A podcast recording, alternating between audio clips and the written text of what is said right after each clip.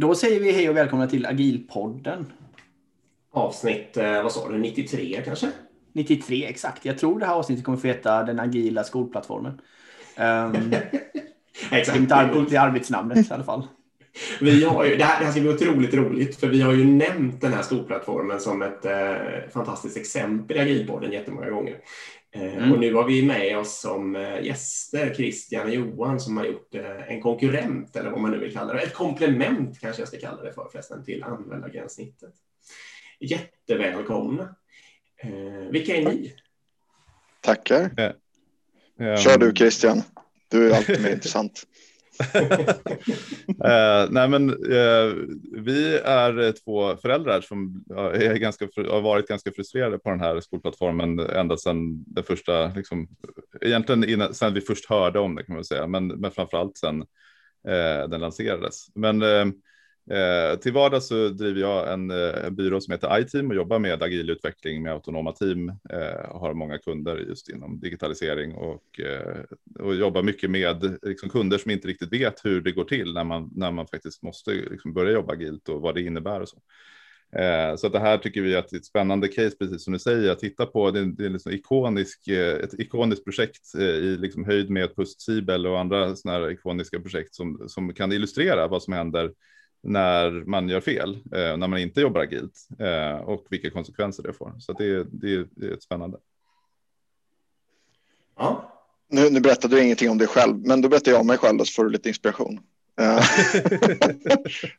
ja, nej, men som sagt, jag, jag har jobbat med Christian på det här. Uh, Johan heter jag. Typisk så här, stereotyp pojkrumsnörd. Började programmera VIC 20 1981 när jag var åtta år.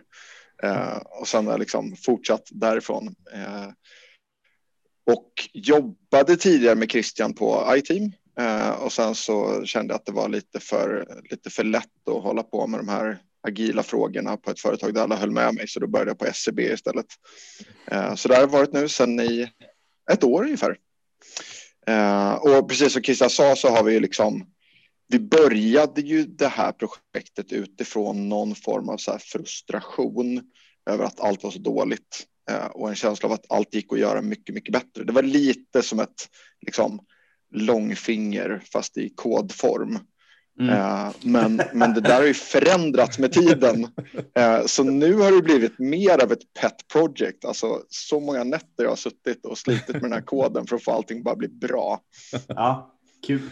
Vi ska, Dick, du har ju faktiskt användare. Eh, ja. För det första, jag, jag har inte barn i skola och min förskola har andra appar, men du är ju faktiskt användare av öppna skolplattformen som den heter. Ja, ja, precis. Men, och jag är ju först och främst har jag ju försökt vara användare av den, den oöppna skolplattformen. Och jag har ju svurit och jag har letat och jag har ringt barnets mor och liksom så här hon har väl mer tålamod då eller någonting, för hon har ju ibland kunnat guida mig. Någon gång gjorde jag ett benchmark-test mot klassens Facebookgrupp. Då skulle jag ta reda på vilken, eh, vilket kapitel det var i eh, svenska boken man skulle läsa eller något sånt där. Eh, mm. och så bara helt enkelt startade jag en klocka så försökte jag göra det på Facebookgruppen och där tror jag det tog så här, alltså 17 sekunder eller något sånt där. Och sen skulle jag göra det på skolplattformen och jag tror det tog fem eller sex minuter. så det var ju så att säga, alltså det var, kan man ju kalla för en tidig POC eller någonting då mot av, eh, alltså, av det ni nu har gjort en produkt av. Liksom. Ja. Du hittade affärscaset där. Precis, jag tänker ja. så här, eh, jag ska försöka gå igenom lite, för alla, alla kanske inte har hört om då Stockholms skolplattform.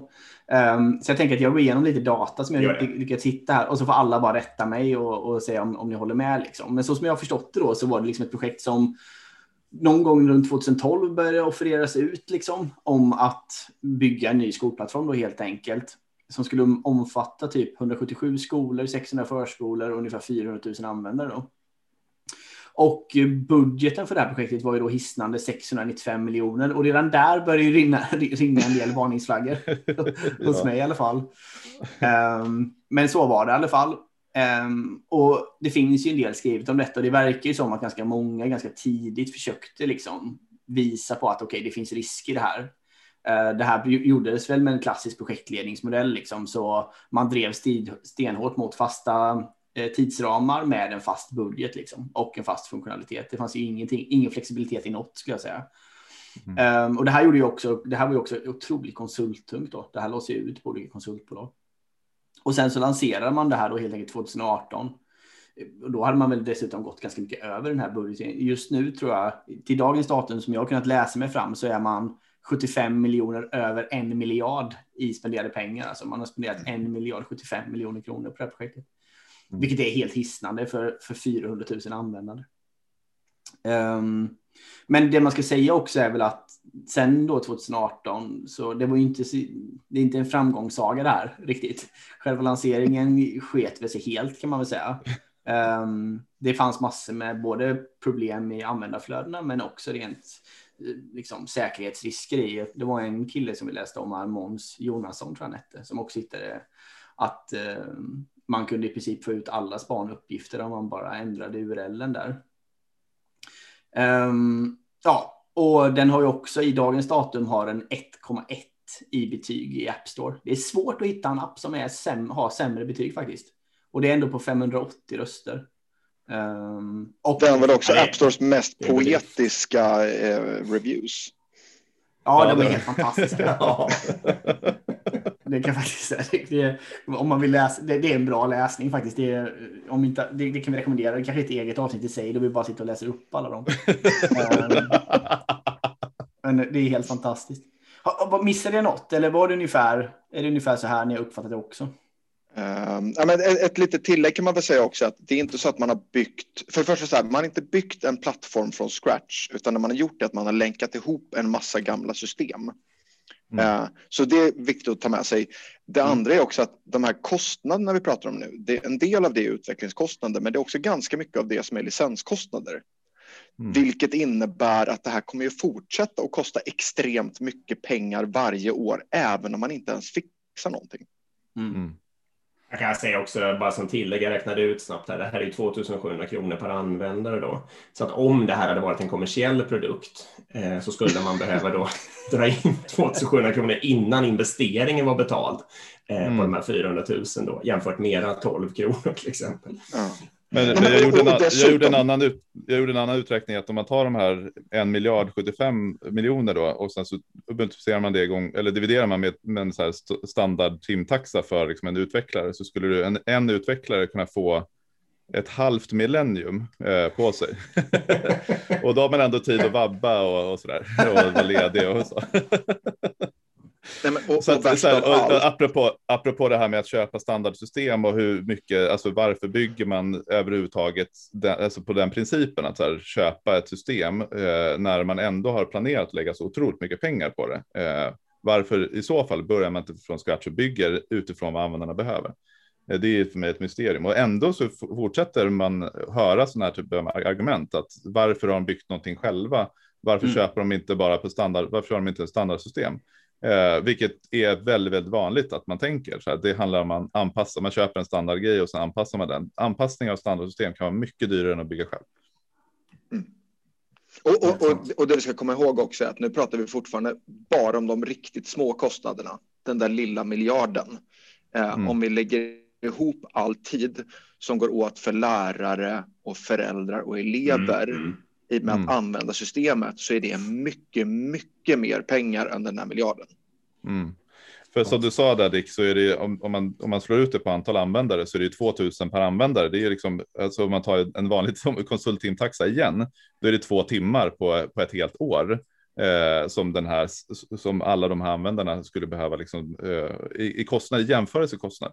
Så om man, om man förlorar mer än två timmar per år på skolplattformen så är den kostnaden egentligen av skolplattformen, alltså en, en miljard per år i kostnad bara i, i effektivitetsförsämringar. Mm. Jag ska säga det bara, jag, jag, jag, blev så glad när du sågade köpta system lite, för det är en, en käpphäst jag haft i min, mitt liv att, att göra det nämligen. Och mm. jag tror, för så som jag har tänkt på det, nu blir det lite sidospår, men jag tycker ändå värt att gå in på det. Det är liksom att är man inte beredd att anpassa sin verksamhet efter i hur det befint eller hur, i hur det köpta systemet fungerar, så ska mm. man inte köpa ett färdigt system. För jag menar, om man ska ha SAP till exempel, det funkar om man har en logistikkedja som är uppbyggd i så som SAP är uppbyggd. Men ska man mm. anpassa SAP till sin egna fabrikskedja som är helt annorlunda, mm. då är det en dum idé att, att utgå från ett, det systemet. Då är det mycket bättre att köpa själv. Mm. Ja, men det är ju supersmart. Ja, Ska bara, alltså så som Agilpodden använder Zoom till exempel är väl okej. Okay. Vi eh, kör det bara liksom. Ja, men det är så här enkla problem funkar så. Då, då kan man ta enkla produkter. Men, men det är så roligt också. Det finns, det finns ju ett så här super, superprojekt när det gäller just att illustrera det här som är polisens gigantiska fiasko med, med Pust-Sibel. Mm. Eh, och det är sådana grejer som jag har varit intresserad av i ganska många år nu. Så här, först så byggde de ett ärendehanteringssystem eh, i, i Java, ska alltså Pust Java, som var liksom ett av de mest lyckade offentliga projekten i världen. De inblandade mm. har varit ute och föreläst om det här, hur man jobbar agilt, nära användaren. Allt var så här fantastiskt. Och sen är det någon jävla chef som bestämmer sig för att nu ska vi ha standardsystem. De köper in Siebel från Oracle. De plöjer ner, jag vet inte hur många hundra miljoner i det där projektet. Eh, de konstaterar att ärenden som tog en kvart att hantera tar nu en hel arbetsdag istället och till slut lägger de ner projektet. Eh, och det allra roligaste med det här det. Okej, okay, det var tragiskt, men en rolig sak med det här för att vi har ju nu i vårt projekt som blir mer och mer av en folkrörelse. Det kommer in folk och hjälper till från alla möjliga håll. Så har vi bland annat fått hjälp av Inuse som är UX-experter. Mm. Och det är en, en tjej som heter Sigrun Tallungs som är med och så pratade vi om det här med agila projekt och varför allting kraschar och så där. Så tipsade jag henne om en artikel på IDG om Pust Java och Pust Sibel. Så här, om du inte har läst om det så är den här jätte, jättebra. Och hon bara, alltså det var jag som skrev den där artikeln.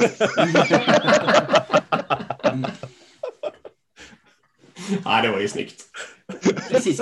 Vi måste gå in på vad är det ni har gjort? Vi har inte varit tydliga med det egentligen. Men berätta, vad är öppna skolplattformen och hur fick ni Bra, idén och vad är, ni har, vad är det ni har skapat egentligen?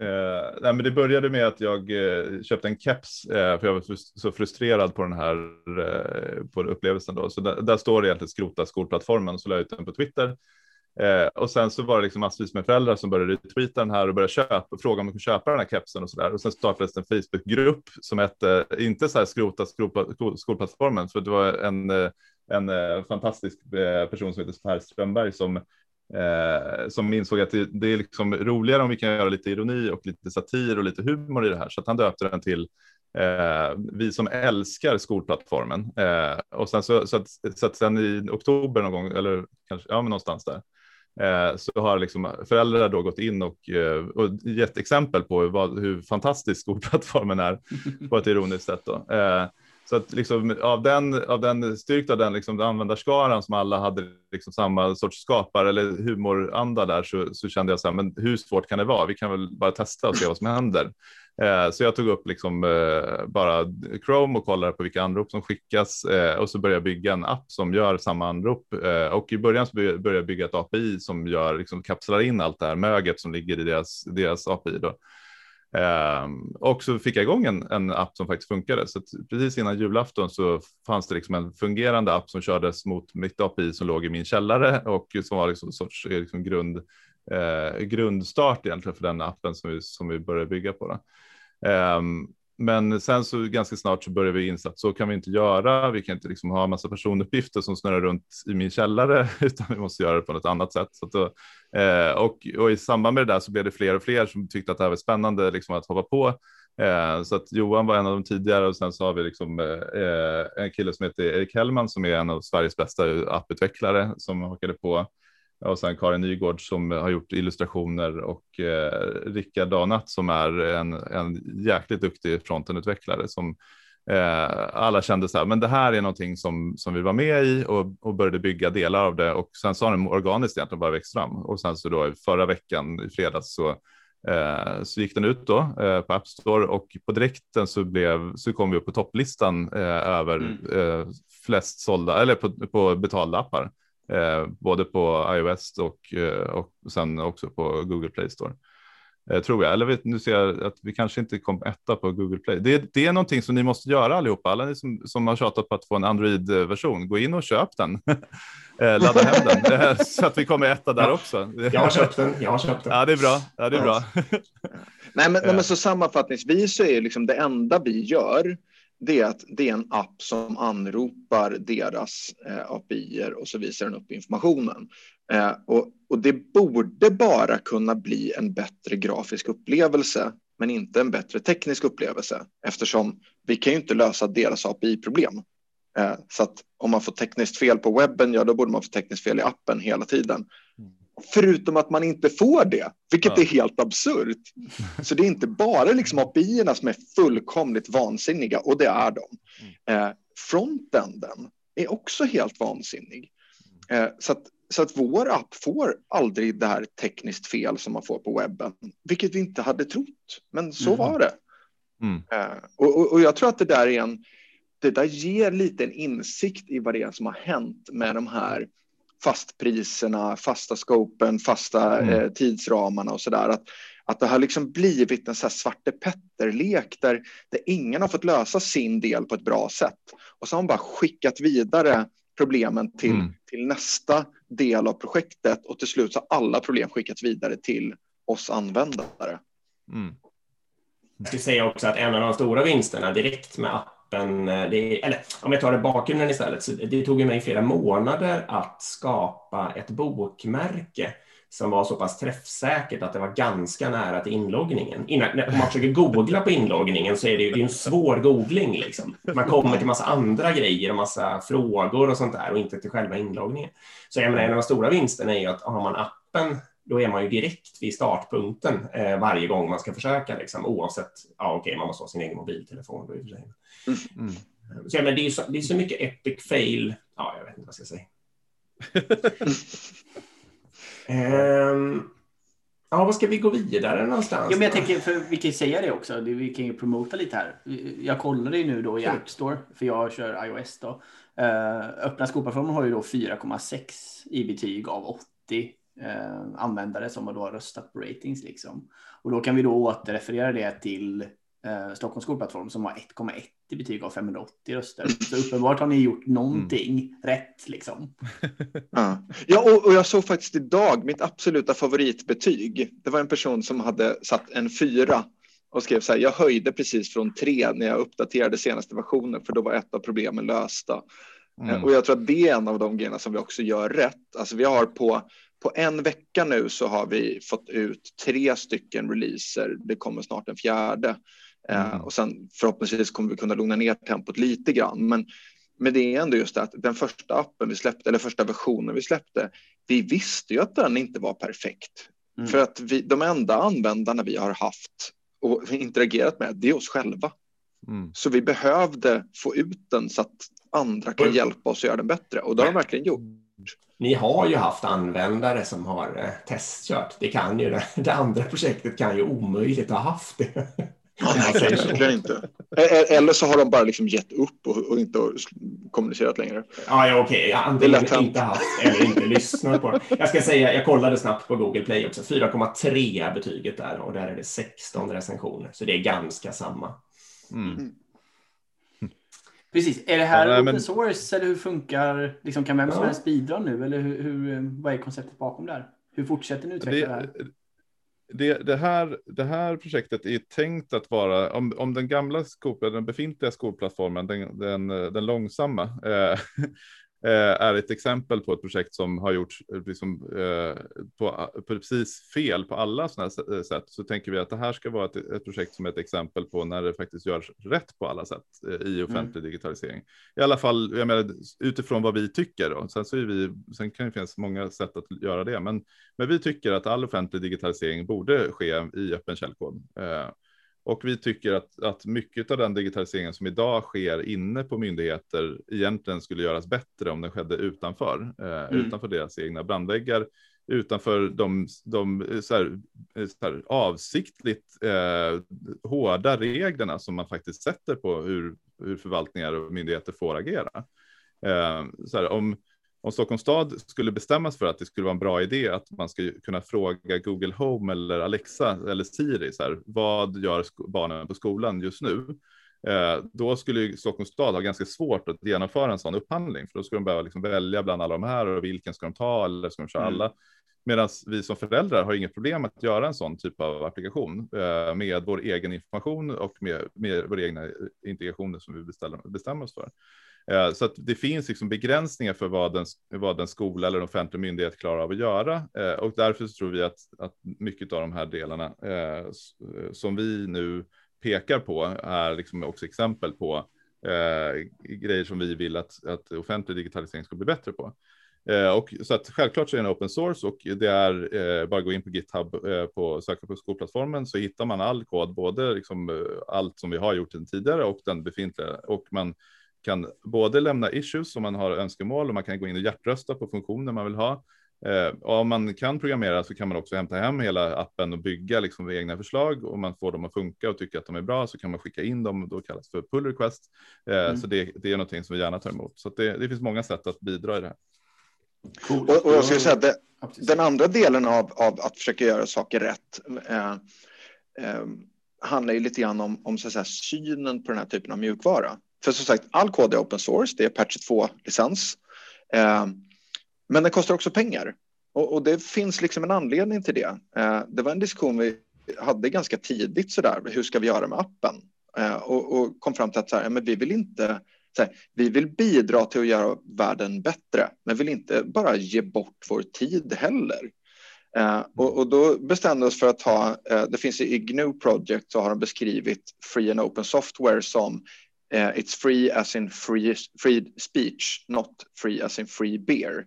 Mm. Uh, så det vi gjorde var att vi startade ett handelsbolag tillsammans som heter Not Free Beer. Och så mm. bestämde vi för att det här handelsbolaget ska ge ut en app som är open source men kostar pengar.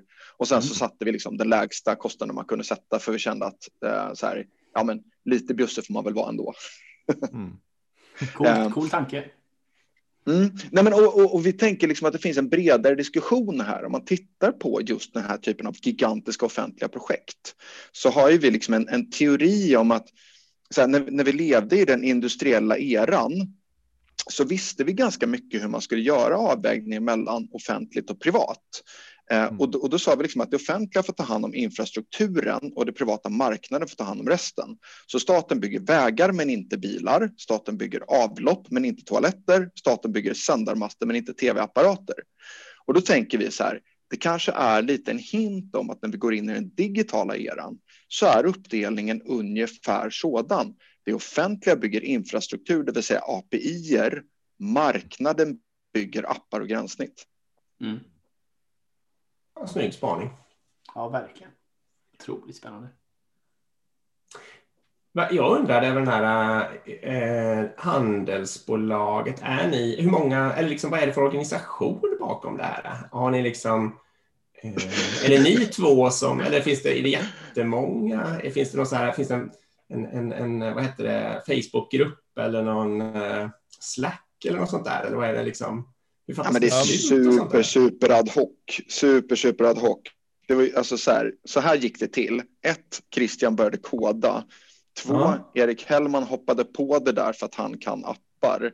Tre, jag hoppade på det där för att jag gillar API och har totalkod OCD och det behövdes i projektet. Ja. Fyra, Rickard natt och dag hoppade in där för att han är asbra på fronten. Och sen så hade vi så Elin Aldén från Lennox PR som var så här, ja men det här brinner jag för, jag vill hjälpa till med kommunikationen. Karin Nygårds som är lärare och, och den som fick in programmering i, på, i läroplanen. Cool mm. tjej. Uh, har gjort illustrationerna för hon tyckte det var kul och sen så har liksom, ja, men sagt Inuse hoppat in. Så det är en slags konstig mix av folkrörelse och bolag och bla bla bla. Vi får se hur vi löser det. Just nu är vi tre stycken delägare och så ska vi ta in eh, Rickard, jag vet inte om vi ska ta in Elin och, och Karin också. I don't know. Det är alltid väldigt oklart just nu, men jag tror okay. att det löser sig. Vad, vad, det, vi måste ju ändå kolla på kostnadsbiten också, för jag tänker att eh, vad, vad har det kostat än så länge? Har ni någon uppskattning på det ungefär i då er ja, tid ni lagt ner och så vidare? Ja, men det, um, vi, det är väldigt svårt för att det är väldigt många människor som har, som har lagt ner tid. Så ska, och det är egentligen ska man göra en korrekt bild av det så ska man ta med alla då som har testat och alla som har liksom bidragit och alla mm. som har lagt ner tid på bugg, buggrapportering och allt sånt där. Så det är väldigt svårt att säga. Men men i och med att vi inte har lagt speciellt mycket mer tid än liksom några kvällar på liksom julhelgen och eh, liksom några, några sena, sena nätter eh, så, så det kan liksom inte vara så mycket tid ändå. Så jag tror att vi sa ungefär räknade till att det var lite 400 000 motsvarande, liksom, att kostnaden skulle vara om, om man ja. liksom byggt, byggt det här liksom från och lagt ungefär motsvarande tid. Och det är en ganska rimlig. Och då är vi rätt kräsna konsulter så vi är inte superbilliga. Nej, precis. nej, vi har inte standard timtaxa, men nej, men eh, nej, men så jag tror att det är ungefär så långt som jag tycker att man ska. Liksom, så här, skulle man eh, vi ta på oss ett så här uppdrag på iTeam och bygga den här typen av appar en sån här mm. typ av, och kommit så här långt som man gjort nu, då skulle, tycker jag att det borde rimligt att visa kostat ungefär så här mycket, eh, ungefär mm. 400 000 eh, för att ta, komma liksom.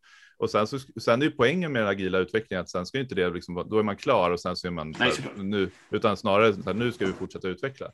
Eh, så att det är väl en rimlig, rimlig liksom, eh, siffra tycker jag, mycket mer rimlig än en miljard. Jag måste bara flika in att det är alltså 0,4 promille av, eh, av det, här, det här projektet har kostat. Vi är för ja, billiga, och, Christian.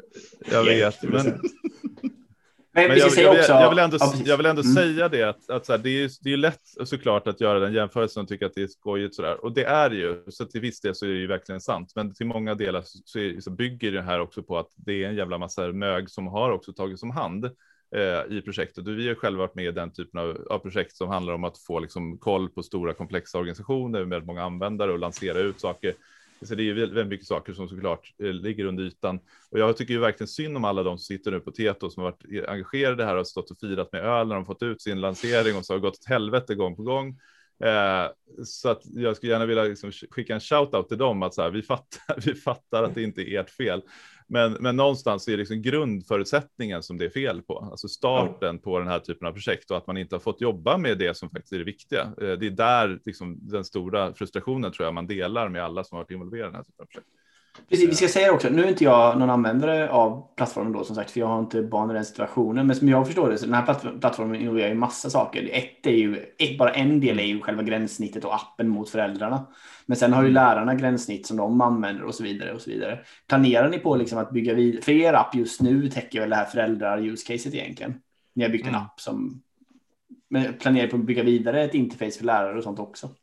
Alltså så här, Uh, ja, men det, så här, vi, vi har blivit kontaktade av många föräldrar eller så här, av lärare och även av elever som vill liksom så här, ja, men kan vi kan ni inte göra det åt oss också? Då har vi problemet uppstår då att, att vi kan bara bygga saker som liksom där vi ser själva informationen i vår egen liksom med vår egen miljö. Mm. Uh, så att vi kan inte bygga liksom appar till föräldrar. Eh, för att göra till det, lärare. Måste, eller till lärare, eh, för att göra det så måste vi få tillgång till dokumentationen eh, över vad, vilket, liksom, vilka anrop som finns i det här API. Och den dokumentationen har vi efterfrågat från staden och de har inte gett ut den. Eh, och det gör att vi just nu inte kan eh, göra det. Men skulle vi få tillgång till den här dokumentationen eh, från staden, då skulle vi absolut kunna bygga då appar för lärare också och för elever. Därför, för just nu skulle vi behöva sitta bredvid en lärare som loggar in och så titta mm. på all data som skickas mellan browsern och systemet. Och problemet är att en stor del av den informationen får vi absolut inte se, för de hanterar personuppgifter som vi inte har rätt till. Mm. Eh, så att det behövs dokumentation och det behövs testsystem för att det ska gå att bygga sådana här saker på ett säkert mm. sätt. Eh, mm. Och där är vi ju liksom närmast fanatiska när det gäller just, alltså vi gillar verkligen GDPR, vi gillar verkligen integritet, vi gillar verkligen liksom att ha rätt till sina egna personliga uppgifter. Så vi vill inte hålla på och fiffla med den typen av information.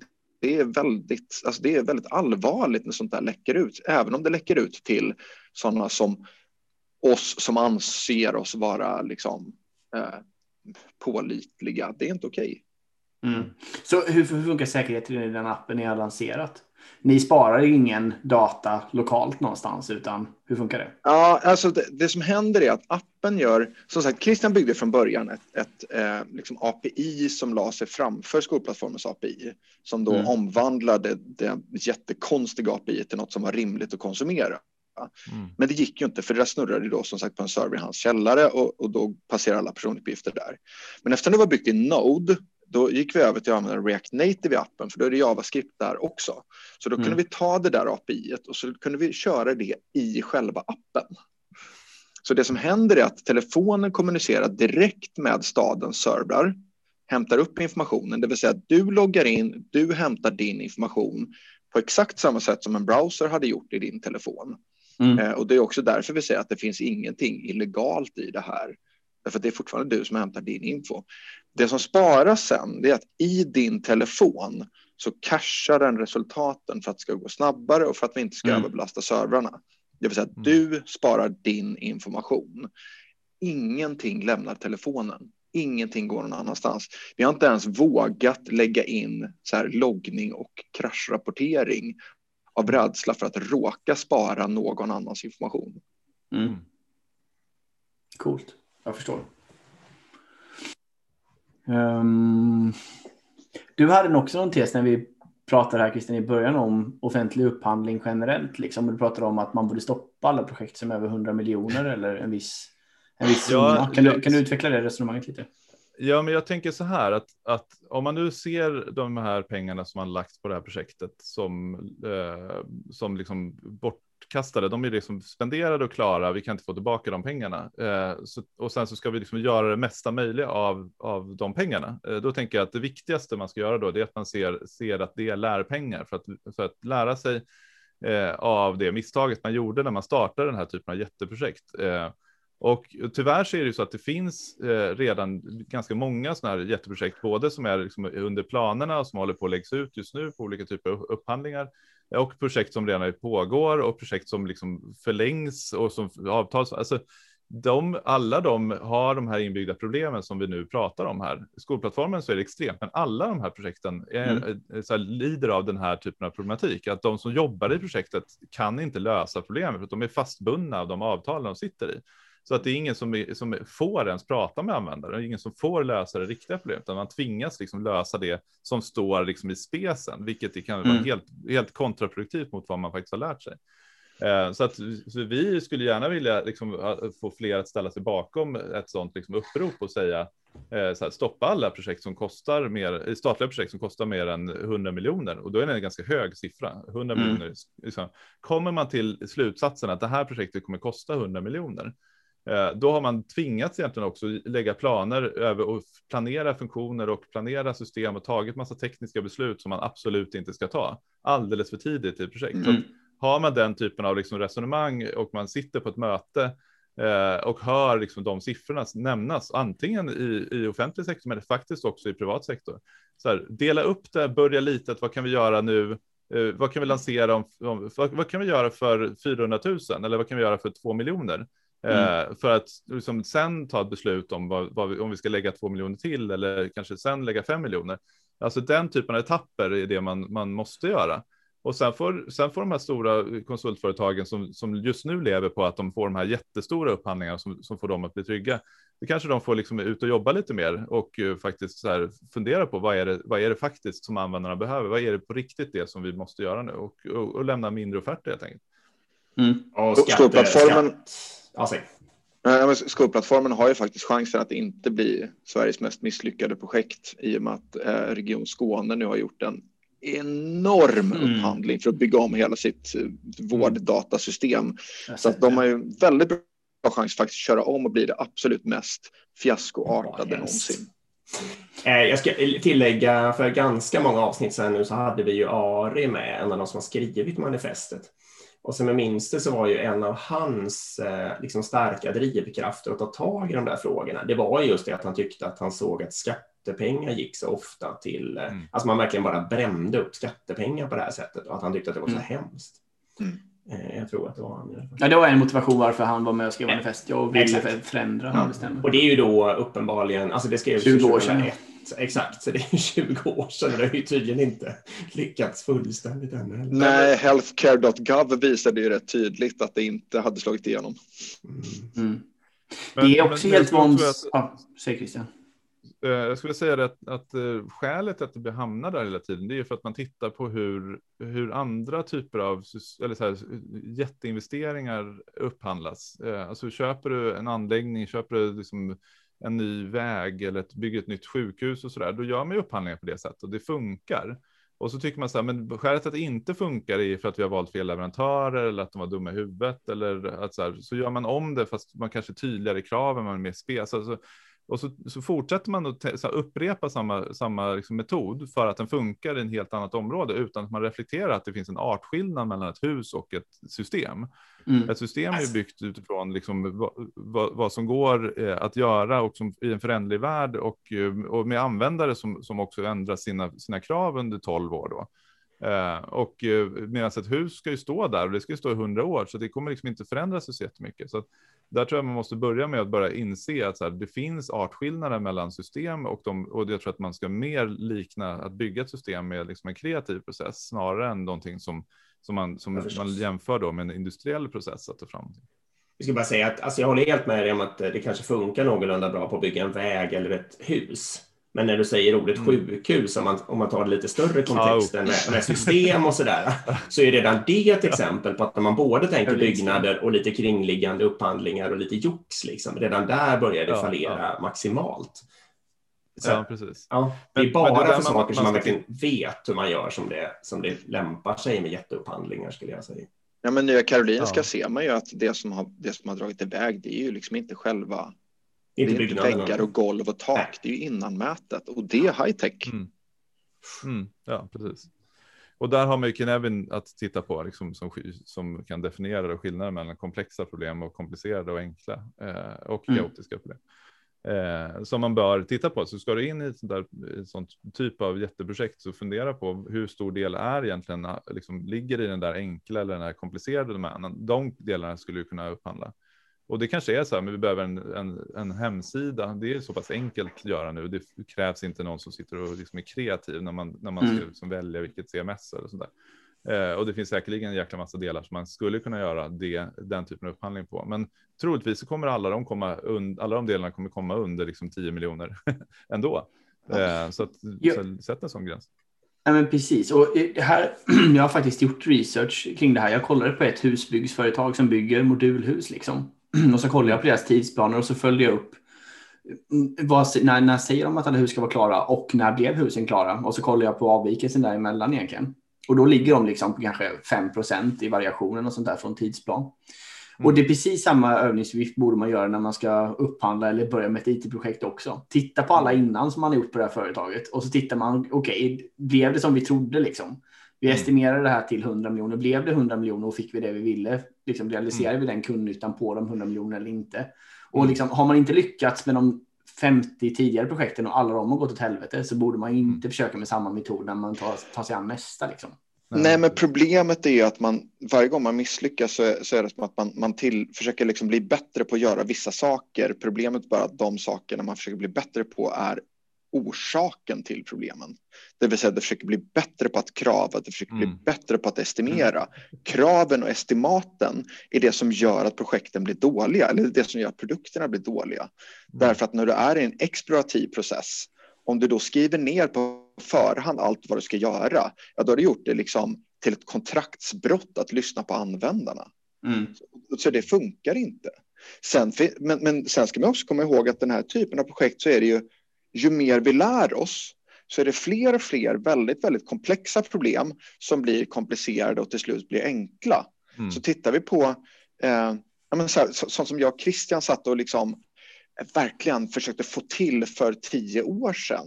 Som så här, mm. continuous integration, continuous delivery, continuous deployment, automatiska testkörningar, automatiska byggen, hosting, bla bla bla bla bla bla. Allt det där är löst. Det är bara att mm. köpa. Du kan mm. kolla så här, vilken molnleverantör är billigast? Du behöver inte kolla mm. någonting annat, för de har samma uptime, de har samma SLA, de har samma teknik. Där funkar upphandling, för det problemet är löst. Alla problem som inte är lösta, då är upphandling skadligt. Mm. Och, och, och, och, det här är ju jätteviktigt att säga då i de här samma andetag som man säger det här, så måste man också säga så här att det betyder inte att man bara ska köpa liksom, molnlösningar och sharepoints och saker som är som färdiga man kan jämföra. Det är precis tvärtom. Man, nu måste vi in i den här komplexa domänen, för det är där någonstans som, som framtiden finns också. Det är där vi kan lösa de här problemen. Använd de här byggstenarna som finns då i molnlösningar och, och, och de här komponenterna som faktiskt är väldefinierade och använd de här continuous delivery, allt som vi har lärt oss. Och sen så sparar du så mycket tid som möjligt att fundera och, och, och alltså att teamet får jobba i den här komplexa domänen där man verkligen där man måste fråga användare, göra ett, en hypotes, ta fram ett test, gör, sätta den i händerna på användarna. leder som du trodde dig? se deras reaktioner, få empati för dem och så bygger man nästa grej och så håller man på så där, iterera. Så att spara liksom, så mycket krut som möjligt av din budget för att göra det och sen, så, sen göra upphandlingar för så mycket och liksom pressa priset på liksom allt andra som är klart. Så. Mm. Det är mm. där du får liksom mixen av det bästa. Men jag tror risken är att många som hör det här säger så här, ja men vänta, det här det är komplexa problem, de ska vi inte upphandla, så nu upphandlar vi bara sånt som såna här, såna här saker som, är, som vi kan definiera. Eh, och det, där, då missar vi också att lösa problemen. Jag tror som sagt att kostnaden som sagt, av skolplattformen är så himla mycket större, inte bara nu när den är dålig, utan också under alla de åren där man faktiskt hade från att man beslutade sig att man skulle bygga en sån här grej till att man lanserar från 2012 fram till 2018. Alltså då satt ju alla lärare och behövde skicka mejl och skicka sms mm. och ta emot liksom frågor och ring samtal och så här och hålla koll på personuppgifter. Så det var ju jättemycket jobb som har gått ut av utbildningar och som har blivit tagit jättemycket tid från föräldrar också. Ehm, så att ehm, det där, det tror jag är jätteviktigt att man, att man försöker eh, liksom lära sig rätt saker av de här, av de här, eh, de här skräckexemplen. Visst, och man borde ju göra som ni gör. Det borde de också gjort. De borde antagligen lanserat den här appen, testat på en skola, en förskola och med tio föräldrar mm. och sen liksom byggt på den och sen levererat kontinuerligt istället, istället för att göra en stor big bang sex år senare. Och precis som du säger, det är ju som med alla it-projekt också. Den, den, det problemet man försöker lösa 2012, det problemet kommer inte kvarstå 2018. Det problemet kommer vara helt annorlunda och därför kommer lösningen inte lösa det nya problemet, liksom, utan det kommer lösa ett problem som, som är sex år gammalt. Mm. mm. Ja, men precis.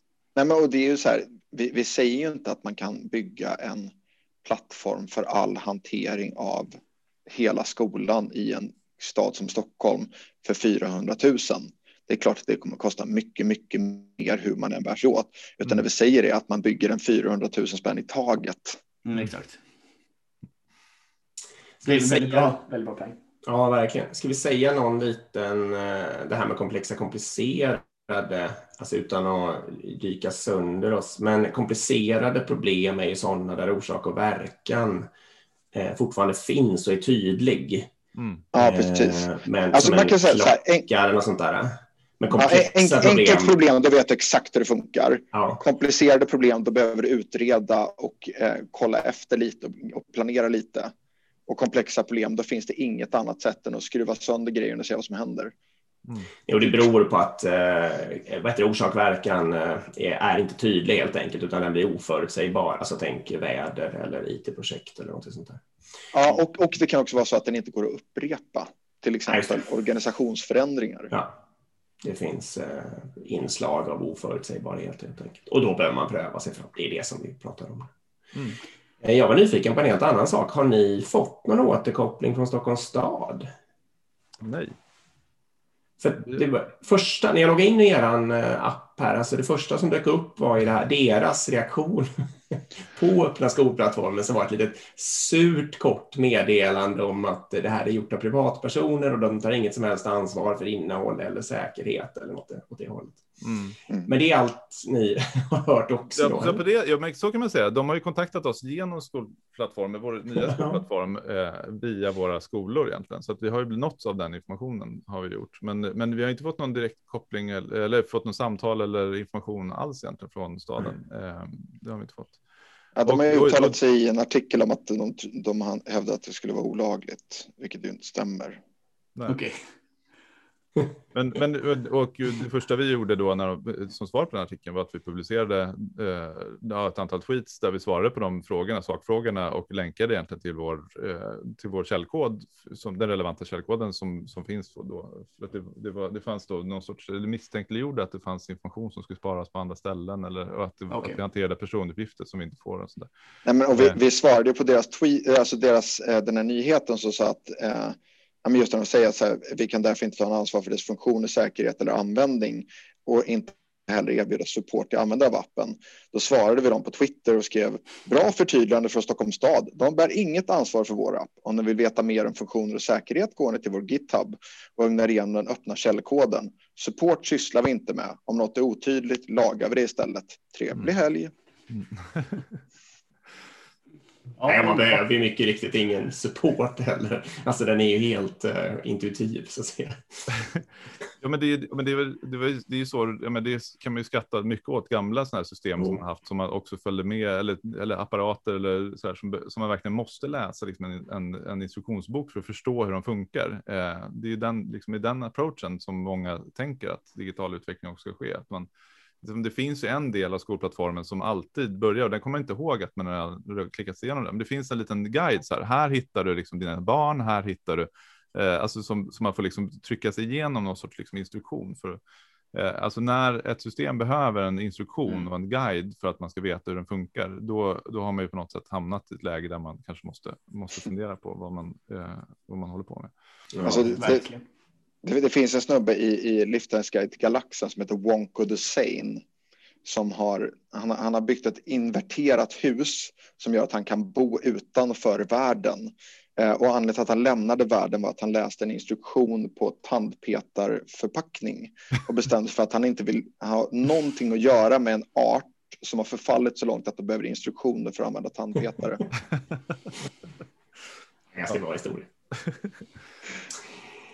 Nej, nej, men det, det, här handlar ju om eh, den här supportfrågan egentligen, tycker jag, är ju det mest spännande. Det som egentligen är var vår svåraste dag eh, i det här projektet, det var ju, eller natt, det var ju när vi väl fick meddelande från App Store att nu är appen godkänd eh, och Eh, Eh, och vi visste att så här, nu är det många som väntar på att den ska släppas, det vill säga vi kan inte sitta och vänta så himla länge på att se att den funkar. Så vi sa, vi sa så här på, på natten, sa vi, men vi lägger ut den nu, sen så får vi börja twittra om det imorgon, imorgon bitti. Eh, och både Johan och jag och alla andra i teamet var så här, helvete vad har vi gjort och hur, hur kommer det här gå? Eh, kommer den funka eller kommer den explodera i ansiktet och bara krascha för alla andra än vi? Eh, mm. För det visste vi ju inte. Eh, så det här, och det är så tycker jag med alla projekt som man gör även professionellt, att den svåraste dagen är ju den första dagen innan man får data. Eh, så fort man får ut det och man börjar få använda det, då liksom minskar den här risken för att saker mm. är liksom helt åt helvete. Och då kan man börja liksom med de här mindre justeringarna. Det är dit man alltid vill. Mm. Och dit har ju aldrig liksom offentliga projekt kommit för att så fort de har lanserat så är de klara. Då har de, liksom, då har de använt varenda krona och sen så ska den in i förvaltning och sen är liksom Alltså så här, de de liksom lanserar precis den dagen när egentligen hela resan börjar. Det är då ja, eh, man kan liksom få, få med sig användare på riktigt. så. Och det har vi gjort. Vi har jobbat med många kunder och gjort eh, här, haft liksom nervösa produktägare som, som är lite så här, men man är kär i sin nästa funktion, liksom, att man, man vill gärna få med den också och sen så håller man på och mm. skjuter man den lanseringen till senare. Och sen, så här, men, men det är mycket bättre att lansera den här nya funktionen som du, som du gärna vill ha tillsammans med användarna, för de kommer ju börjat efterfråga den och, eh, och, så här, och när du väl släpper den så kommer de bli skitglada och kanske är det någonting annat som du har missat som de också vill ha. Så att göra det på det här sättet med, med användarna och, och hålla på liksom massa saker som man kanske har, har börjat på men som man inte riktigt vet hur bra de kommer bli tills att man verkligen har användarna med sig. För då kommer de bli mycket bättre. Min fru frågade så här äh, häromdagen, bara så här, men jag tror ni var klara nu. Jag bara nej, nej, nej, nej. Alltså release är ju då projektet börjar. Fram tills dess är det mm. bara förberedelser. Mm. Mm. Väldigt sant. Jag har två följdfrågor nu. Um, ett var, jag pratade med en kollega om det här och då var de på en gång, kommer ni bygga det här ovanför fler skolplattformar? Uh, typ Skolsoft och så vidare, för de alla är missnöjda med det också. Uh, vi kan börja med den frågan, så tar jag min sista fråga sen.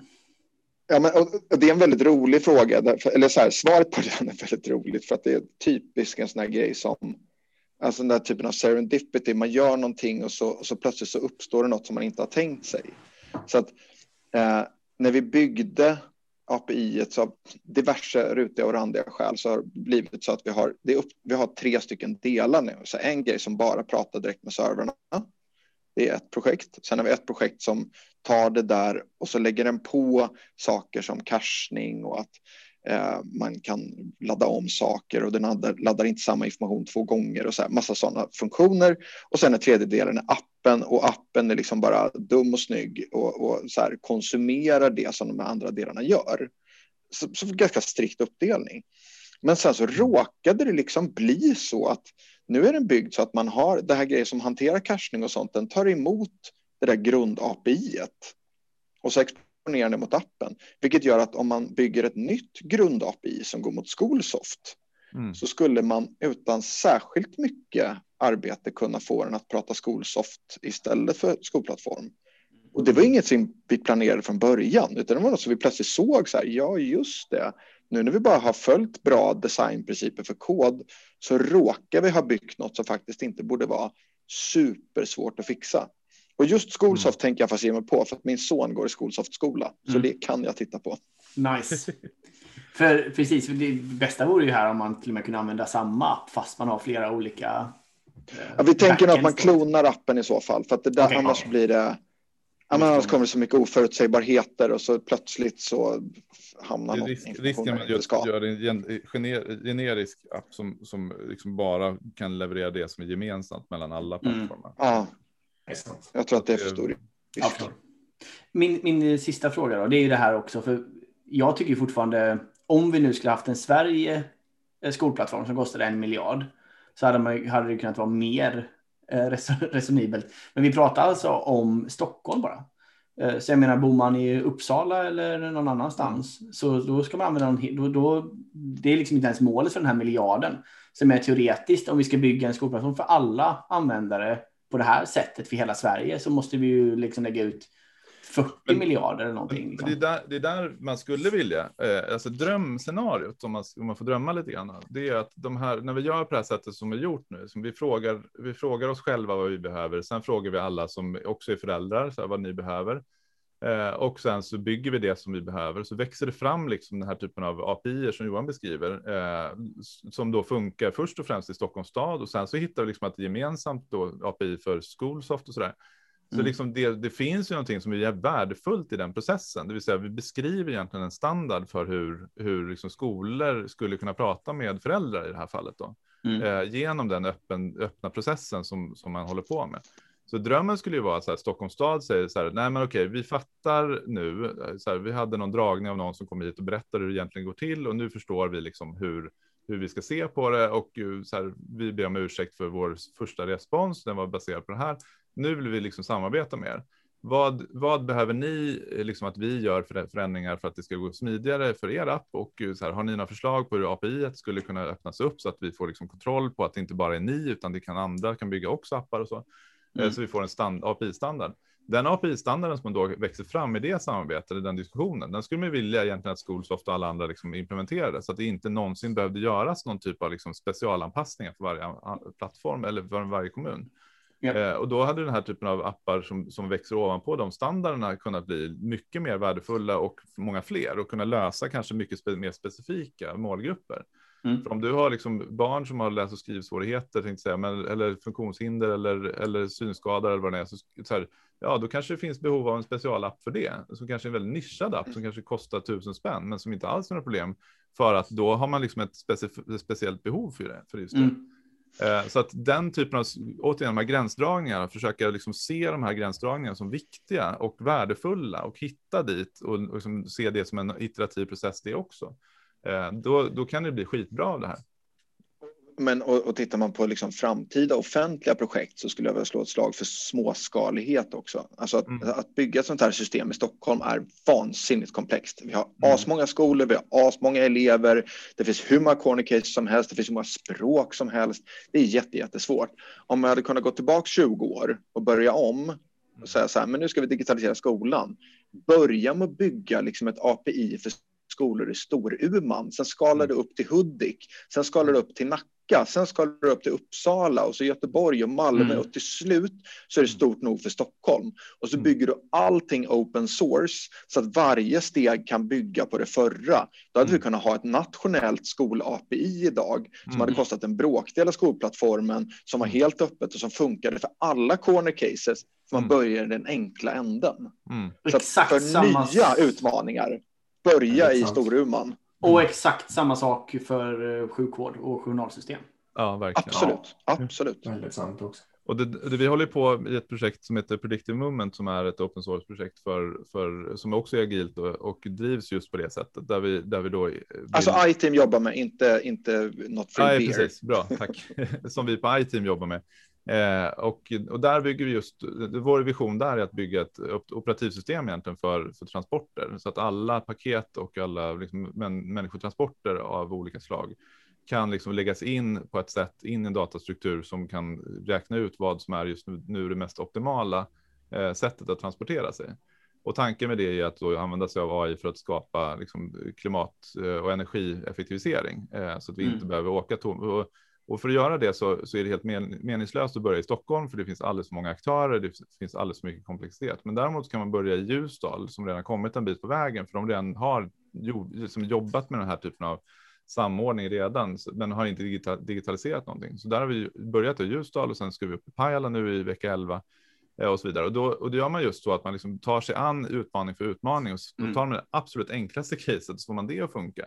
För funkar inte det, då är det helt meningslöst att öka komplexiteten mm. ännu mer. Så, att, så här, börja där det är enklast. Så att jag tror att det här kommer, förhoppningsvis med den här typen av resonemang, så tror jag att man kommer börja titta mer på på de småskaliga eh, kommunerna och försöka, men samtidigt då få in liksom, resurser från hela, från hela landet och börja liksom, ta sig an det. För att man vet att det är liksom en, en nyckel till resten. Och samma sak med drönarleveranser. Om man ska få drönarleveranser att funka så kan man inte börja liksom, att skicka Beijer-nycklar liksom, från Ulvsunda över Bromma flygplats över till Bromma, liksom, utan det finns tusen anledningar till att inte göra det där. Men börjar man återigen i Storuman så finns det så här, det finns, det finns liksom, du kan samla alla som blir berörda i ett rum och sen så säger mm. vi, ska vi köra på det? Ja, det gör vi. Och så gör man det. Och då blir det så jäkla mycket lättare. Men det är samma problem. Det kommer fortfarande vara liksom tillstånd från myndigheter. Du kommer fortfarande behöva jobba med liksom, men vad händer om den här kraschar och vad, liksom, vem är det som ansvarar för, för, för liksom transporten och innehållet på vilken, vilken tidpunkt. Så. Eh, så det finns mycket man har lära sig av att göra den här typen av, eh, göra på det sättet, alltså börja småskaligt. Bra, coolt. Jag håller med helt och hållet. Mm. Vi kanske ska ta och börja runda där. Någonting mer Christian, Johan, som ni tycker ni vill prata om som vi har missat? Uh, nej, alltså shameless plug. Om ni har, om ni har eh, barn i i Stockholms skolor och tvingas använda skolplattformen. Kolla in öppna skolplattformen på Play Store och i App Store. Uh, ge oss issues, ge oss pull requests, ge oss ris och ros. Hjälp oss.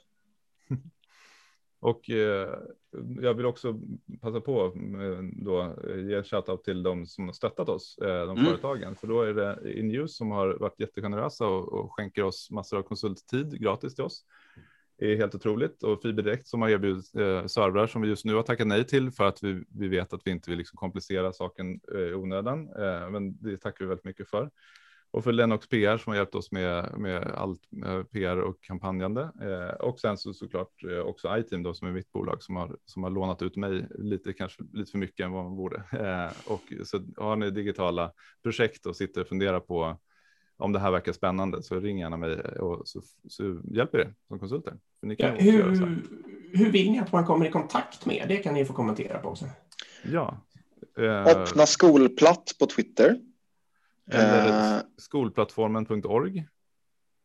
Eh, öppna skolplattformen på Facebook. Eller och sen så på helst då på GitHub i form av kolla in liksom de issues och hjärtrösta där. För att det, det så, hjälper jättemycket för oss när, vi, när man går in och så får vi liksom förslag på funktioner som fler vill ha. För då kan vi liksom, och nu swishade du förbi namnet där. För där heter vi kolplattformen. Jag tror att vi måste byta det. Har du någonting mer Dick du vill gå in på?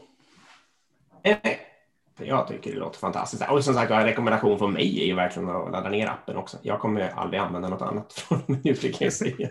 Ja, alltså, jag, jag känner jag kommer ladda ner appen på en gång fast jag inte ens uh, kommer kunna använda den. Bara för att stödja det. Oh, också ja, ja. Och Stockholms stad, ja, om ni har det här, tack. prata med oss. Vi hjälper jättegärna till. Ja. Ja. Grymt. Hörni, stort tack för att ni var med i Agilpodden. Mm, tack så mycket. Tack och, alla som eh, själva. Precis, vi ska säga det också. Om ni vill oss någonting så når ni oss på agilpodden.com eller agilpodden på Instagram. Det är väl mm. lättaste medien att nå oss på. Okej, grymt. Då tackar vi för detta. Bra, det gör vi. Ha det bra. Tack så mycket.